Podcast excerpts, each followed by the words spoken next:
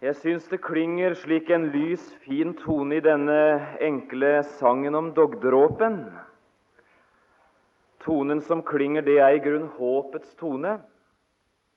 Oddmund Haugen fra Vråljosen skrev denne sangen etter han hadde mista en liten bror.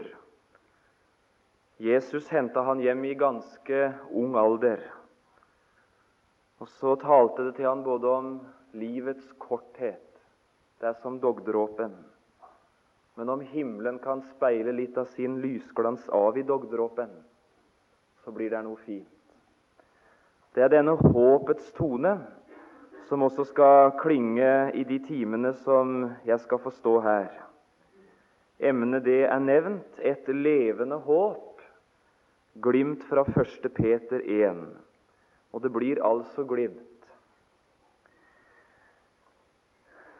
Skulle vi sette en overskrift over denne første timen, kunne vi skrive 'Håpets Gud og håpets folk'. Vi ber i sammen. Kjære Jesus. Vi takker for denne anledning å være sammen om ditt ord. Takk at du forunder oss slike stunder der vi kan være under ditt ords lys og påvirkning og vi ber deg nå, Herre Jesus, at ordet som skal bæres fram, kunne virke slik på oss. Det tente lys, det vekket mot, det vakte glede, det skapte fred.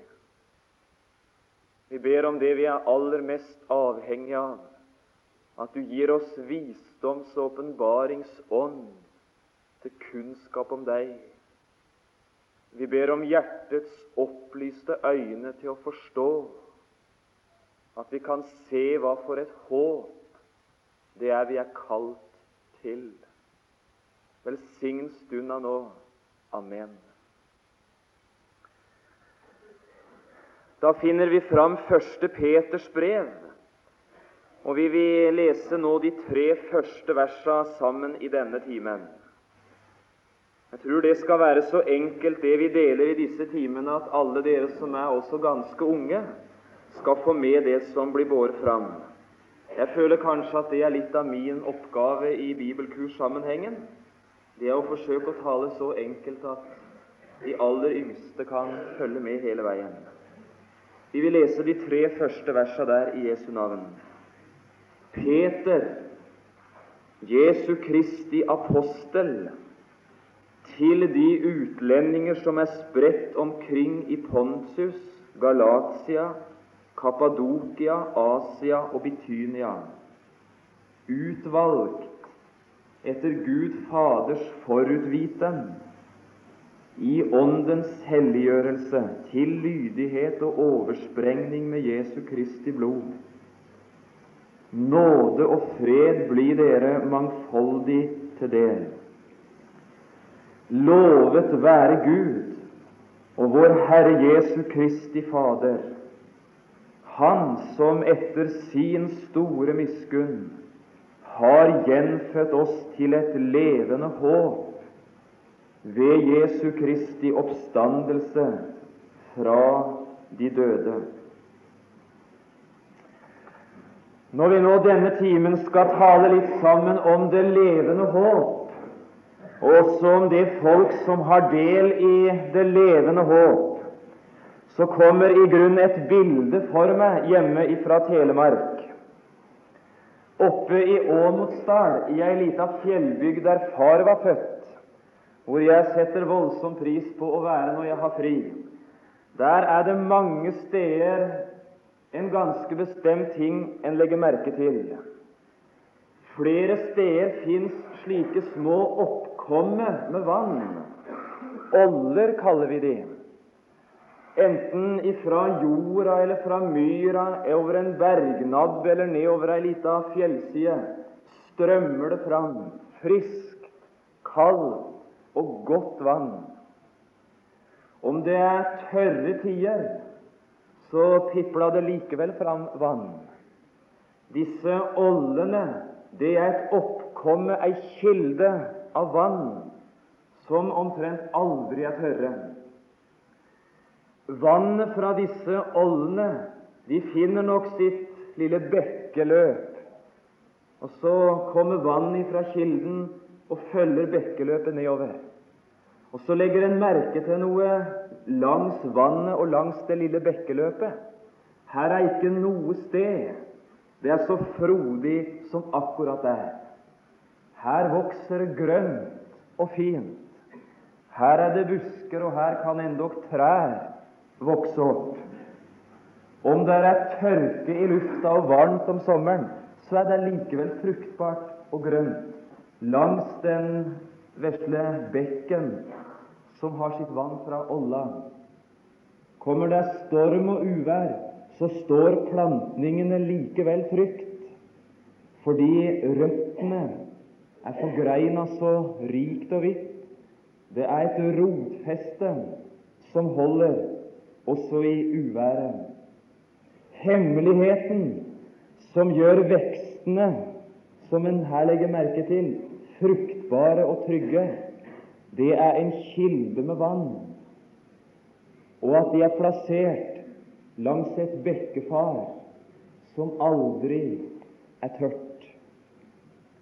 Om det er aldri så håpløst i omgivelsene, tørt og uvær og vanskelig, så er det alltid håp og liv og frodighet og trygghet for den plantning som gror og vokser ved kilden, og som alltid har tilgang på vann. Du som er kjent i Bibelen, du vet at en kristen av og til er sammenligna med et slikt tre. Det var nevnt ett ord som uh, taler om det i møtet i går kveld. Jeg tenker på Salme 1 og vers 3. Der er det tale om en mann med håp. For om denne mannen så sier Gud selv salig er den mann. Og er det et menneske i denne verden for hvem det er håp, så er det det mennesket som Gud kaller salig. Han, vers 3, skal være lik et tre plantet ved rinnende bekker, som gir sin frukt i sin tid, hvis blad ikke visner, og alt hva han gjør, skal han ha lykke til. Sannelig, her er håp.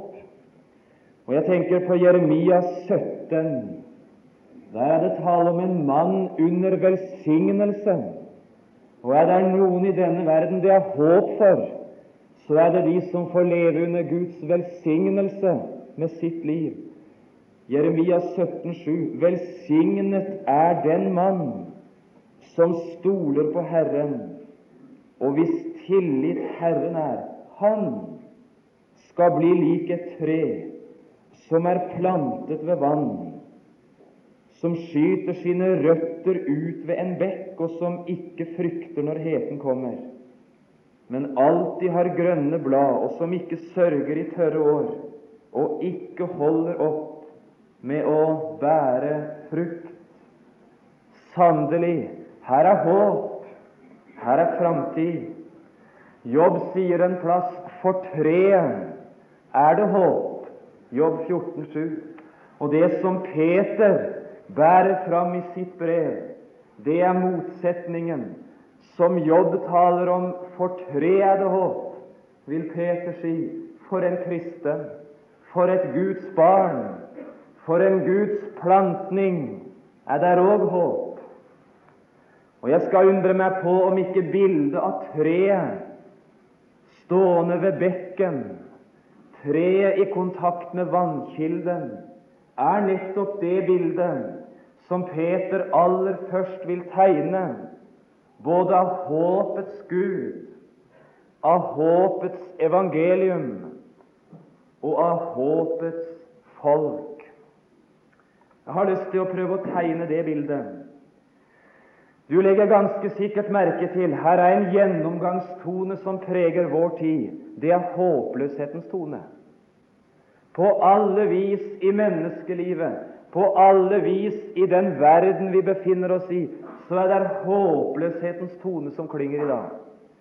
Når det gjelder den store sammenhengen, hva enten det er spørsmål om fred i verden, hva enten det dreier seg om nedrustning, om det er terror eller vold eller hva det er, så er her flere og flere som tilsynelatende bruker ordet håpløs. Skal det noen gang bli fred? Det er håpløst i mange.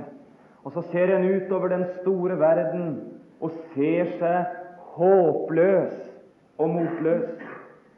Her er mange mennesker i nærmiljøene våre som opplever livssituasjonen håpløs. Her er ikke arbeid å gå til mer. En er usikker og redd for barna sine. Her er mange ting som har rykka inn på livet, som gjør livet så vanskelig. Og for mangt et menneske i Norge så er det å være menneske å oppleve et liv nesten i håpløshet. Og som en ved å se ut ser håpløshet, er her mange som også ved å se inn ser håpløshet. Er det håp for meg? Er det noe å bygge livet på? Er her et holdepunkt? En har forsøkt alt, og så rakner det hele veien. Her er mangt, ikke bare eldre mennesker, men mang en ungdom, som sier det er håpløst for meg å finne meningen med livet, å finne et holdepunkt. Her er ikke håp. Fins her et håp, så vet jeg ikke veien. Og vi kunne spørre hverandre i en slik håpløs verden, der håpløshetens tone er gjennomgangstone, finnes her virkelig håp å få for mennesker som oss? Finnes her håp som holder? Finnes her noe annet enn falskt håp og tomt håp? Er her håp å få for håpløse mennesker?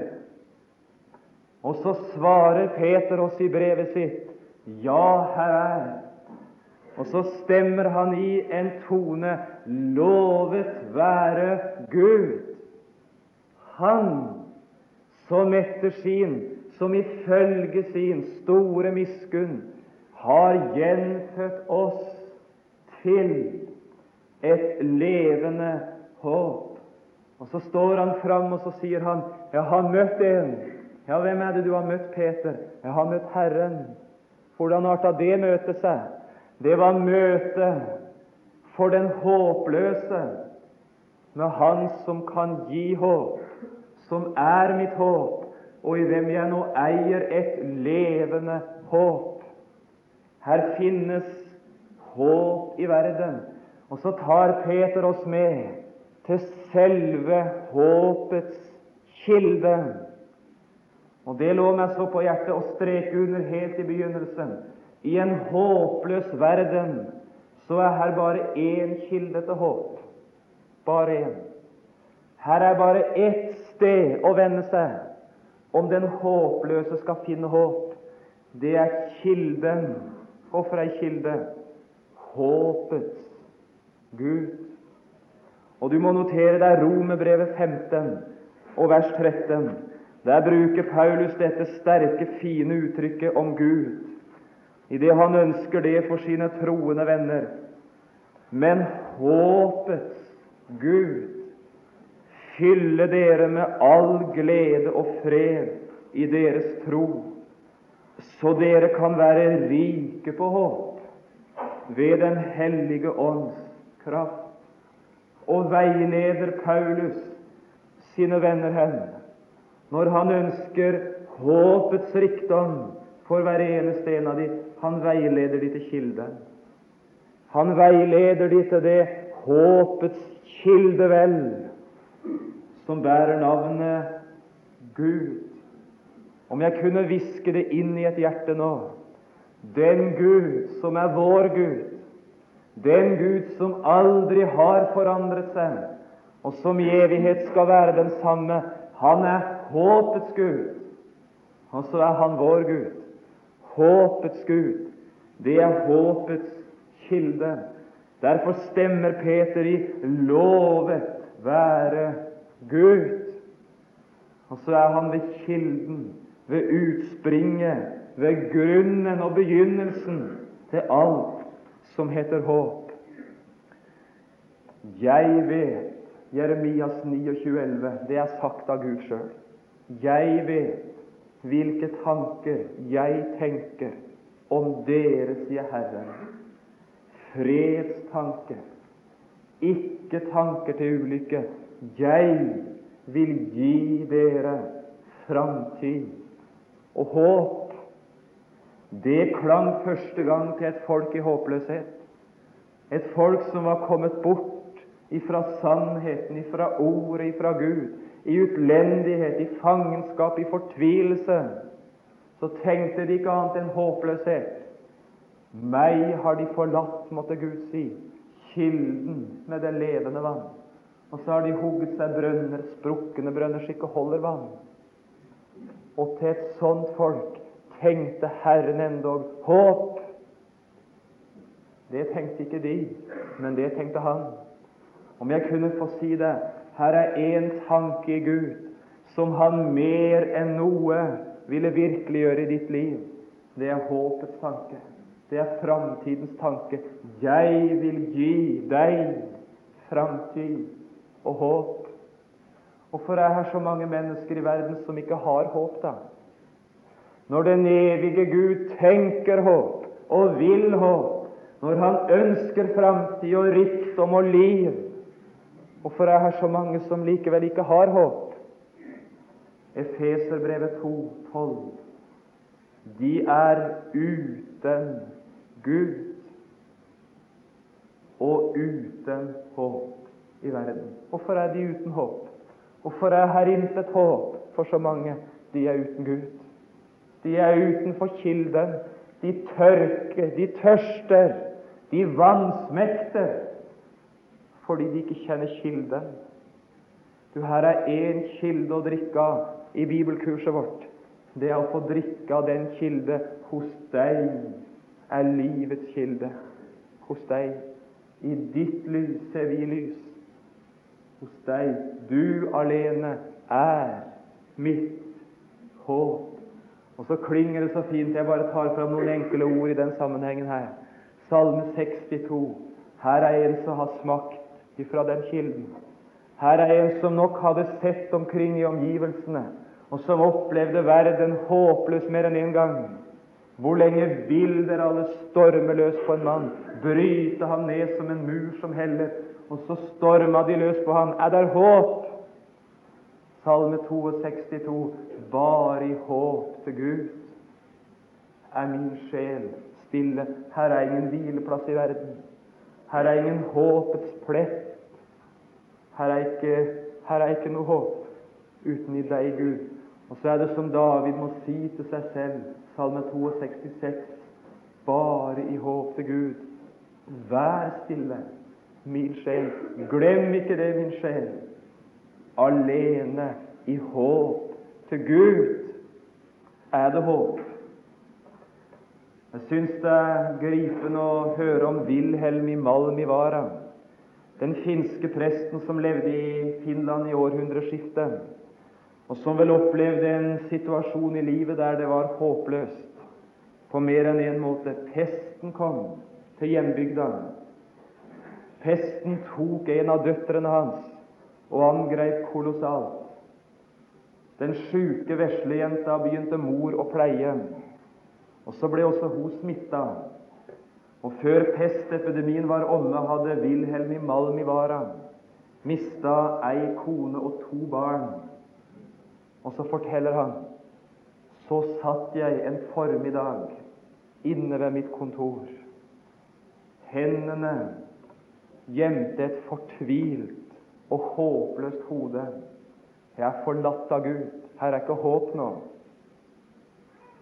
Så kommer her en medarbeider inn på kontoret formiddagen. Vis som han var den gamle, så sier han stille Jesus sa tredje gang, Simon, Jonas' sønn, har du meg kjær?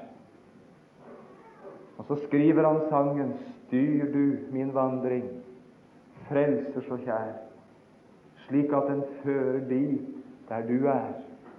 Og så synger han Hjelp meg, o Gud, mitt håp står til deg. Og så nå, når hvert lys er slukt på min vei.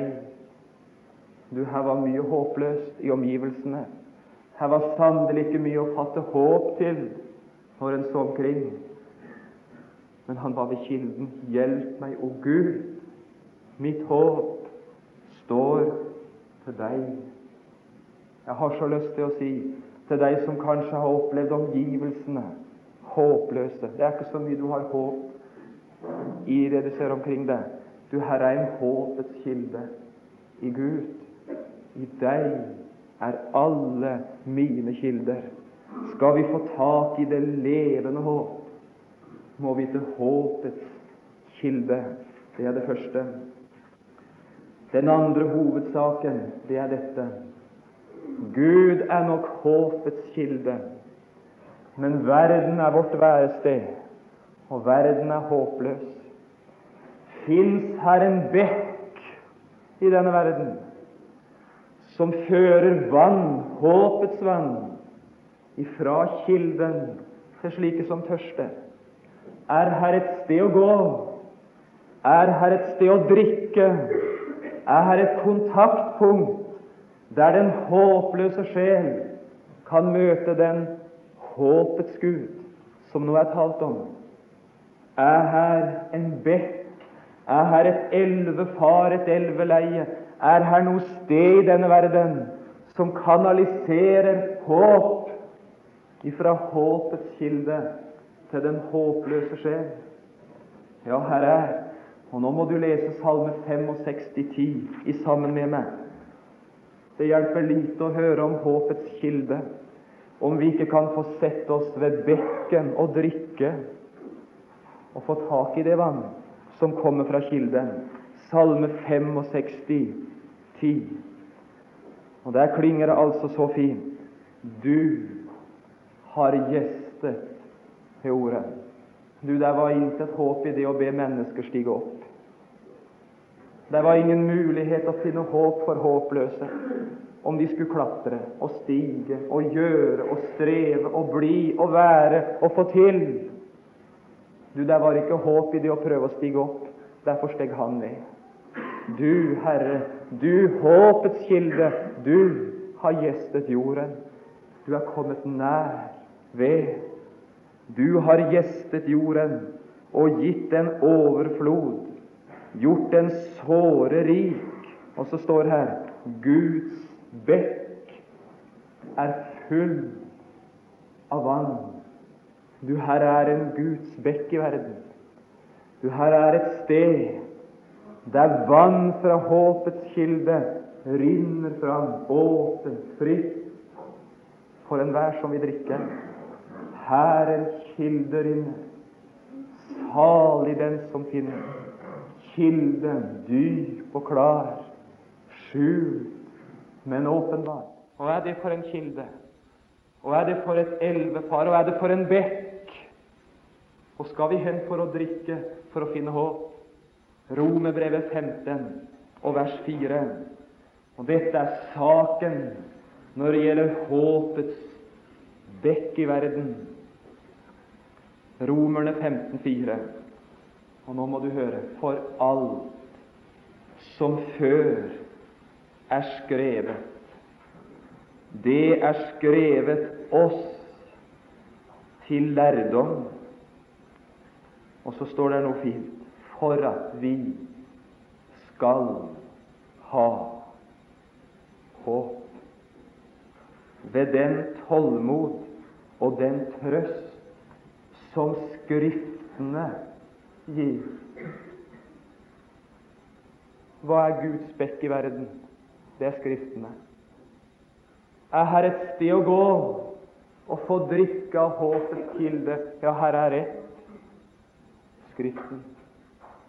Alt, ikke bare noe, alt som før er skrevet, er skrevet jødene til lærdom. Nei.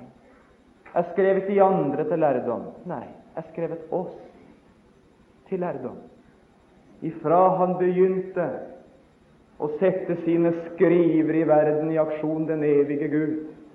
Ifra han lot de feste den første bokstav, og til det øyeblikk Paulus her tenker på ja, helt til Skriften er fullbyrda, så var her ett sikte. Alt Det er skrevet oss til lærdom. Hvorfor?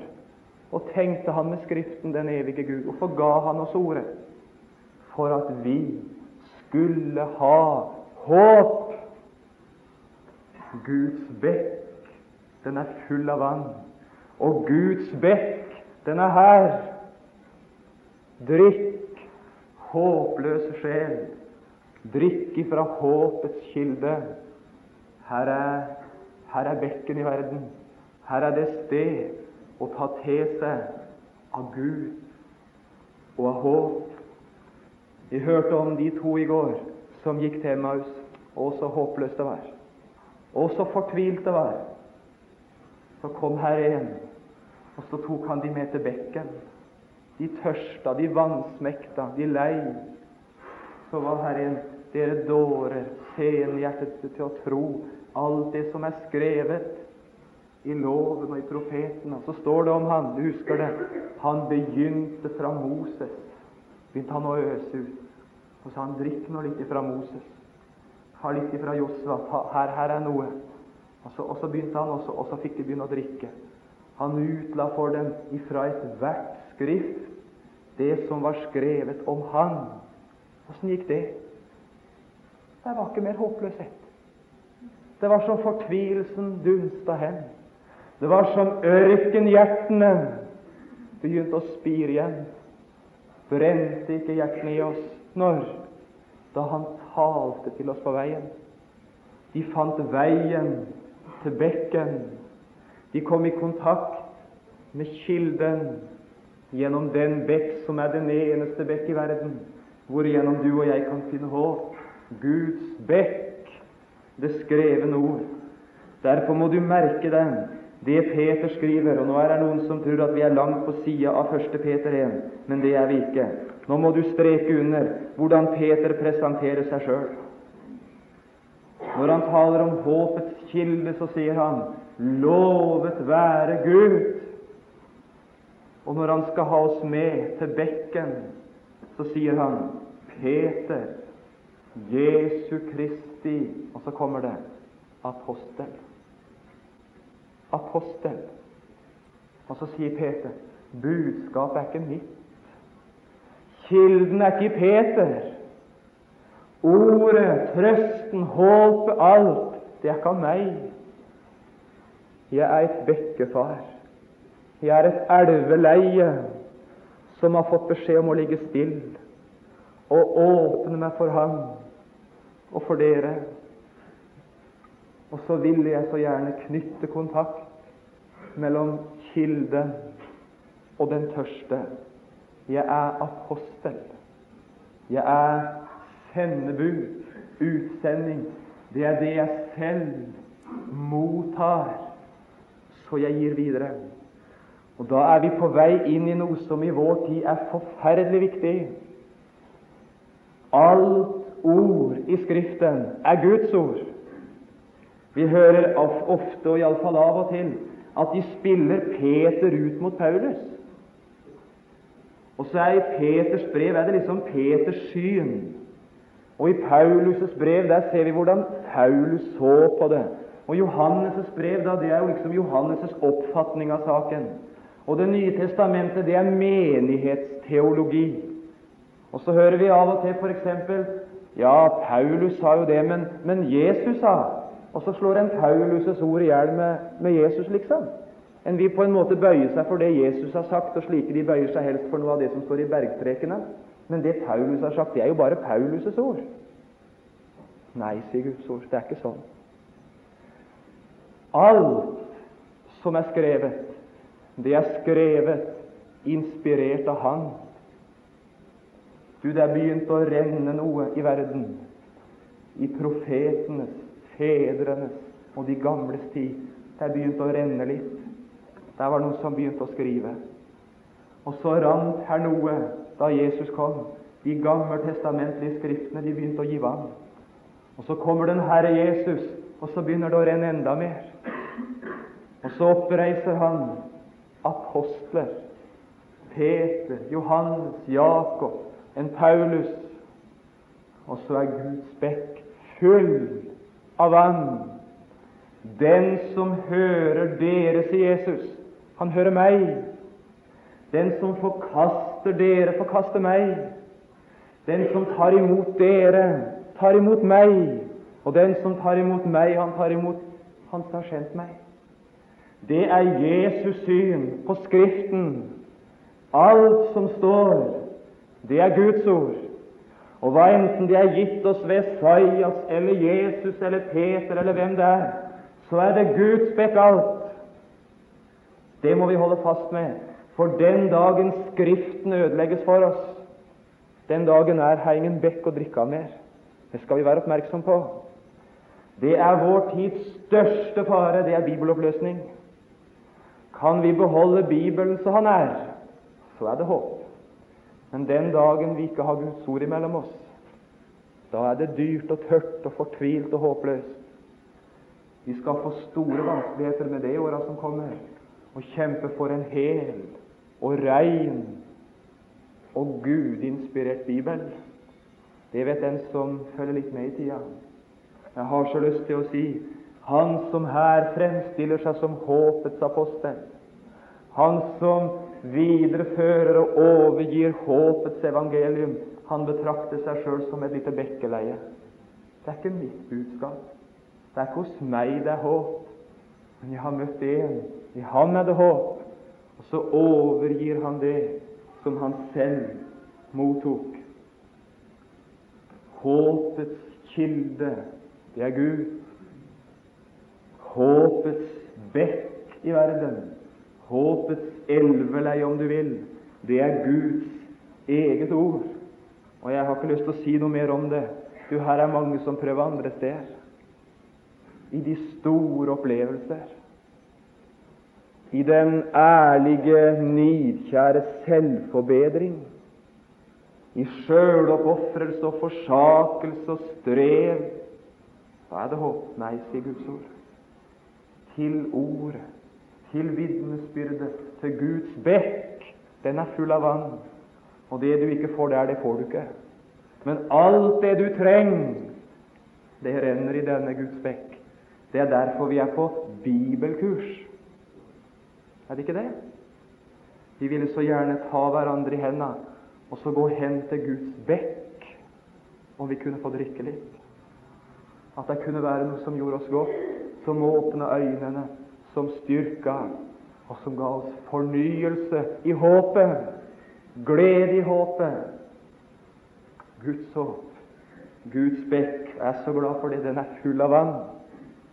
Den hadde ikke hatt mye å gå fram om den ikke hadde hatt Ordet. Og så begynte det å skje noe, og det er den tredje hovedsaken. Der håpets kilde ble åpenbart der Guds bekk i verden begynte å, å føre håpets evangelium ut i verden. Og så begynte her å gro. Først spredt, leste du ikke det? Spredt omkring. Spredt omkring i Pontius, i Galatia, i Kappadokia, i Asia, i Betynia. Det begynte å gro alle veier. Ikke tett skog, men spredt omkring.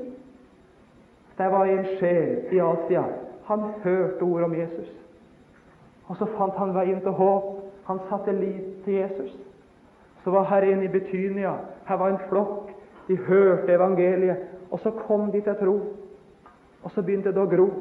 Og så var her noen der, og noen der. Og så forgreina Guds bekk seg på en forunderlig måte. Og så ble det litt vann der, og litt her, og litt sånn. Og så begynte det å spire og gro. Håpets Gud fødte ved håpets evangelium, håpets folk. Og Peters første brev er skrevet til oppmuntring for den flokken. Håpets flokk i denne verden. Det er velsigna å høre til den flokken, er det ikke? Det var det som ga deg håp. Du kom i kontakt med en eller annen tjener. Du fikk ei bok i hende, eller du tok Bibelen. Og det du opplevde, det var at det knyttes en kontakt mellom ditt tørre hjerte, din fortvilte situasjon, og Gud. Og der kontakten var knytta, der begynte han ikke å kreve, men å gi. Og så begynte han å tilføre livet ditt noe som gjorde du, du, du ikke opplevdes. Her er mange som har levd med Gud i 40-50-60 år i den forsamlingen. Det var sånn du opplevde det, var det ikke? Det var noen som tok deg med til bekken, og det du smakte i bekken, det ga deg mer smak. Du blei så tilfreds ved bekken at du blei utilfreds. Du måtte ha mer. Og så har du vært på bibelkurs i 25 år, og du har kanskje gått og hørt Guds ord i 50, men du er ikke ferdig enda. For altså, du drakk deg utørst, men, men, men det er som du må drikke igjen. Blott drikk igjen, min sjel. Håpets folk, de ble vunnet av håpets Gud ved håpets evangelium. Og så sier han et par ord om de. Jeg skal ikke si så voldsomt mye mer, men vi må streke under litt i avslutningen. Han bruker to uttrykk om dette håpets folk. I slutten av vers 1 så sier han de er utvalgt. Og I begynnelsen av det første verset så kaller han de for utlendinger. Du, det er Guds folk. Det er håpets folks kjennetegn i denne verden. De er utvalgte. De er utlendinger. Det er velsigna fine titler. Å være et utvalgt folk jeg kan ikke tenke meg større privilegium i denne verden. Tenk, det var ikke jeg som valgte Jesus, men jeg, jeg er av de utvalgte. Er de som ved å få flytte inn i Jesus, inn i den utvalgte, kom inn i flokken av utvalgte sjeler. De utvalgte, det angir et folk med et ganske nytt forhold til Gud. Her er det vår stilling det dreier seg om. De utvalgte. Og Hvis du ser, så her er brukt et litt vanskelig uttrykk i åndens helliggjørelse. Det var slik de ble utvalgt. Hedegård han oversetter det i sin oversettelse. Helgade gjennom Anden, sier han. Det er blink. Helgade gjennom Anden. Hvordan kom de inn i den flokken som kalles de hellige? Du, Der var en tjener som tok de med. Gud sa den. Han åpenbarte for hjertene sannheten om de sjøl. Og så herliggjorde han Jesus så det overvelda. Og så gjorde han Jesus så dyrebar og umistelig at de kunne ikke klare seg uten han. Og så veileda han slik den fortvilte sjel inn i Kristus. Og så er det plutselig forskjell på han og de andre i verden. De er borte fra Gud. De har ikke bruk for Jesus. De trenger ikke evangeliet. De er utenfor.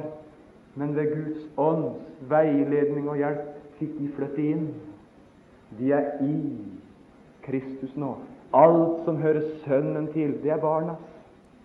Som Han er, så er vi. All Hans rikdom, det er min rikdom. Som Gud betrakter sin sønn, betrakter Han meg. Guds sønn sønnekår, barnekår. Her er mange som misforstår det. Når her i mange av breva i Det nye testamentet står om de troende, de er de hellige. Og så tenker en seg liksom noen sånne nærmest syndfrie, plettfrie, voldsomme prakteksemplarer av noen mennesker. Er ikke det det dreier seg om. Her er noen som er tatt ut av verdens hop. Ikke fordi de var bedre enn andre, men fordi de så de trengte noe annet enn det de hadde. Og så flytta Guds ånd i evangeliet inn i Jesus.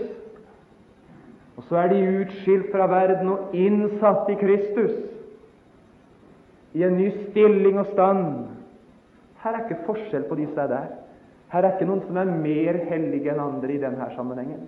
Enten så er jeg utenfor Kristus, eller så er jeg i Kristus.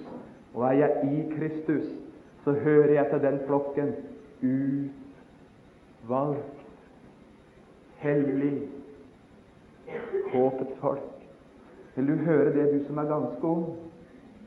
Du som vet at du ikke er som du skal være i deg sjøl. Du som har sett så mye av ordet om Jesus at du vet det er det ordet du trenger. Som har åpna hjertet ditt for det og vet at, at du, du, kan ikke klare deg uten det ordet. Du syns ikke du ser det så klart som du gjør, men du har iallfall tatt imot og trykt det til deg. Jeg har så lyst til å si du er like mye et Guds barn som den som ser det klart som krystall. bare du har flytta inn i det Jesus har gjort. At det blod som rant på Golgata, har fått gjelde for deg. De utvalgte, de er utvalgt til lydighet. De har bøyd seg for Guds ord, gjort det gjeldende for seg selv. De har ved Guds ord kommet inn i et nytt forhold til Gud.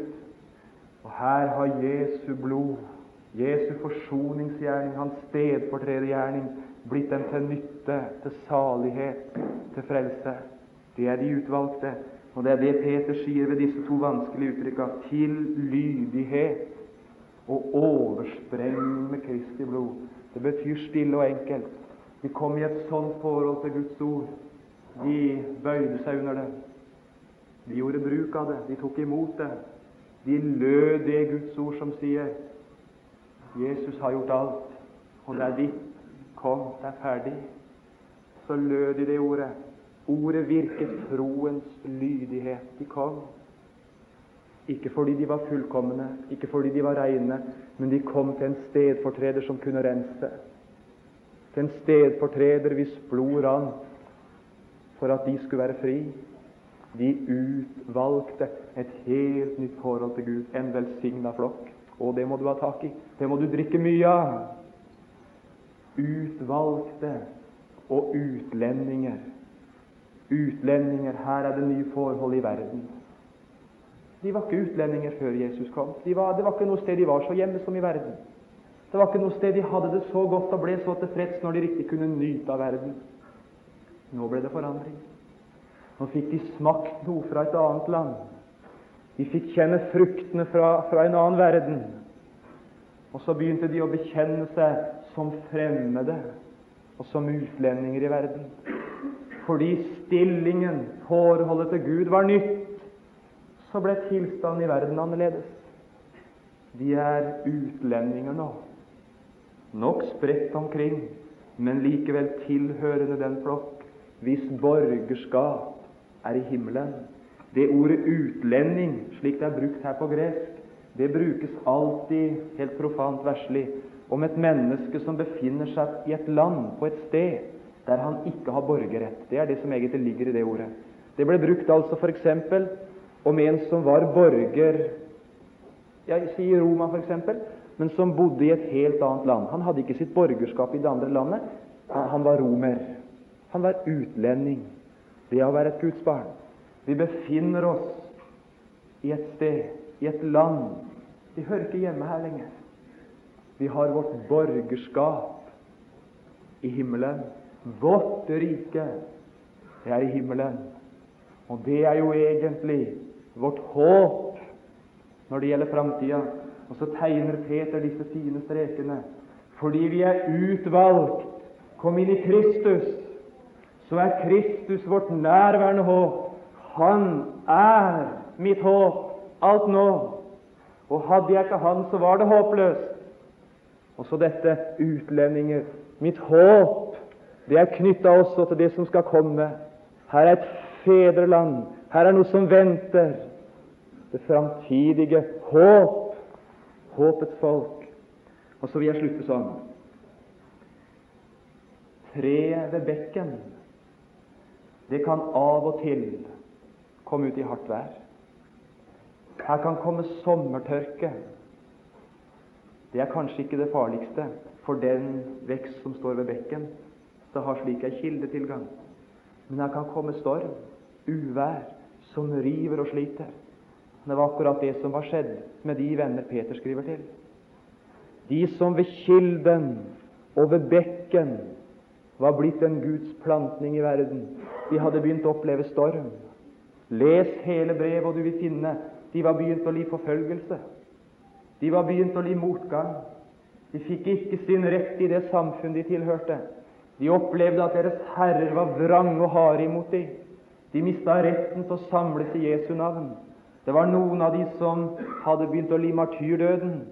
De opplevde sannelig at det begynte å koste det å høre Jesus til. Det å være fremmed og utlending i verden, det ble mer enn ord. Det ble et lidelsesliv. Og det er det Peter egentlig har for øye. Håpets Gud, ved håpets evangelium. Han fødte håpets folk, men de lir nå, de har vondt. Og så skriver han i omsorg til trøst for lidende søsken. Og skriver han om? Han skriver om det levende håp. Og Nå kunne vi gjerne ha lest litt mer, men det skal vi gjøre seinere. Håpet, arven, himmelen, frelsen som ligger ferdig. Og så retter han blikket opp ifra håpløsheten omkring til det håp som gjelder også nå. Her er noen som stusser på det. At Peter skal skrive så mye om himmelen og den usynlige verden til slike som har mer enn nok med denne verden. Var det ikke vanskelig nok i denne verden om ikke de skulle bry tankene med det som kom? Burde ikke Peter heller tatt ei kraftig kraftsalve og smelt i vei og formant de til å holde ut, og, og, og riktig holdt fram risikoen ved å komme bort og pålagt ansvaret for verden og evangeliseringsoppdrag og kjørt de altså opp til muren? Burde han ikke ha gjort det? Riktig brukt storklubba og sagt 'nå må det være alvor'? Hadde ikke altså det, det, det nåværende liv nok å bekymre seg med om han ikke skulle begynne med det neste? Da er vi midt inne i en tanke, og det er den som skal klinge nå til slutt som høres nå for tida. Vet du hva den store innvendingen mot bedehuskristendom har vært? Vi taler for mye om himmelen, sier de. Altfor mye. Vi, vi snakker altså altfor mye om Jesus som skal komme igjen. Jeg vil drømme meg bort og se Jesus. Jeg ønsker å se Jesus først av alt. I himmelen er det mange ting jeg lengter å få se. Sånt er farlig, sier folk. Kristenfolket blir sløvt sånt. De, de glemmer ansvaret for verden, og de glemmer tjenesten, og de sløvner hen, og de blir likegyldige, og de resignerer og lar det gå. Hadde de hørt Peter her, så ville de sagt det er livsfarlig, Peter. Du må ikke finne på Du, du, du fratar de motstandskraften på den måten. De kommer til å resignere hvis du skriver om himmelen. La nå himmelen bekymre seg for seg sjøl. Gi de noe de trenger nå. Du kan stole på Peter, visste hva han gjorde. Du kan være trygg. Og jeg har nær sagt Har du hørt sånn sprøyt som det vi hører fra de kanter? Taler vi for mye om himmelen? Gjør vi det? Altfor lite. Er vi for mye opptatt med den kommende verden? I hebreerne så står det 'den kommende verden som vi taler om'. Ja, jeg skal undre meg på hvor mye vi taler om den. Vi taler snart bare om denne verden. Salmedikteren han har truffet blink i det han sier når himmelen blir oss kjær og lys og yndig, da blir Guds hær i striden myndig. Det er ved å løfte blikket oppad og frem at jeg får den hjelp jeg trenger nå. Det hemmer ikke livet i verden, men det fremmer det. Du skal få to punkter igjen, sier han. Da jeg gikk i tredje på folkeskolen, da fikk jeg en av de beste prekener jeg har hørt på lenge. Da hadde jeg gymlæreren min som skulle lære meg å gå på bom, meg og en del andre viltre krabater. På bom, ja, du veit hva det er. Du som har sett på fjernsynet og disse østeuropeiske turndamene som, som, stuper omkring på den der bommen. Du veit det der. Du kan jo bli imponert av mindre. Står der og spreller framlengs og baklengs og skrudd og halvskrudd omtrent som de sto på en asfaltvei. Ja, det er sånn de gjør. Og vi sitter altså og får ikke et ord. Vi skulle altså gå på bom, vi. Bare fra ene sida til andre. Og det var vanskelig nok for en treklassing. Og vi krabba opp i ribbeveggen og begynte å spankulere over det der, og vi datt jo ned den ene etter den andre. Vet du hvorfor? Vi så ned. Og vi så på den smale bommen, og vi tenkte hvor lett det var å ramle, og hvor høyt det var ned, og åssen vi kom til å slå oss når vi datt. Og så datt vi. Ja, det var jo det vi gjorde. Og så sa gymlæreren, og det er akkurat det vi har sagt Nå kan dere gjøre en annen ting, gutter, sa han. Hvis du fester blikket Og nå bruker jeg kristen språkbruk, da, så sier jeg hvis du, hvis du fester blikket ved målet, hvis du ser hen dit du skal, og holder blikket festa der framme, så kan du prøve å gå. Og Så holdt vi armene litt ut, og så så vi fram. Og så gikk vi. Vi datt nok av og til, men, men mye sjeldnere. Og det var merkelig hvordan blikkretningen hjalp oss det enkelte skritt. Det er det håpet Peter taler om. Ikke for å ta sine venner bort fra vanskelighetene, men for å hjelpe de støtt og trygt fram. Her sies noe om Jesus. Det er altså Hebreerne 12,2. Og det vil du skal få stå her nå. Vet du hva der står om Jesus? Vi har ofte fulgt han lidelsesveien, har vi ikke? Via Dolorosa fram til korset. I spott og spytt, i hån og motgang. Vi har fulgt han med lidelse og med smerte og har spurt oss sjøl hvordan kunne han gå så støtt? Hvordan kunne han gå mot målet uten å svikte? Og hva kraftkilden hans? Hebreerne 12,2. For den glede som ventet han, led han tålmodig korset uten å akte vanæren. Du, han så fram imot et vell av glede. Han så fram imot målet. Så gikk han støtt. Og trengte den Herre Jesus den blikkretningen, så kan du være trygg for at håpets folk skal trenge dem. Det er første Peters brev. Se oppad, se frem mot det himmelske hjem, og gå skrittene i dag trygt. Herre Jesus, vil du ta hånd om disse enkle tanker nå? Vi priser deg, evige Gud, som håpets Gud. Takk at her er en kilde i verden i deg, tilgjengelig i Skriften. Kunne vi få drikke av din bekk, Gud, til styrke, til fornyelse i håpet. Vil du samle oss som håpets folk omkring denne ene kilde. Og vil du så, Herre, når stormen kommer, når det røyner på, når det er vanskelig å ta neste skritt, vil du løfte vårt blikk imot den evige herlighet, at vi kunne få den kraft i dag som vi trengte. Amen.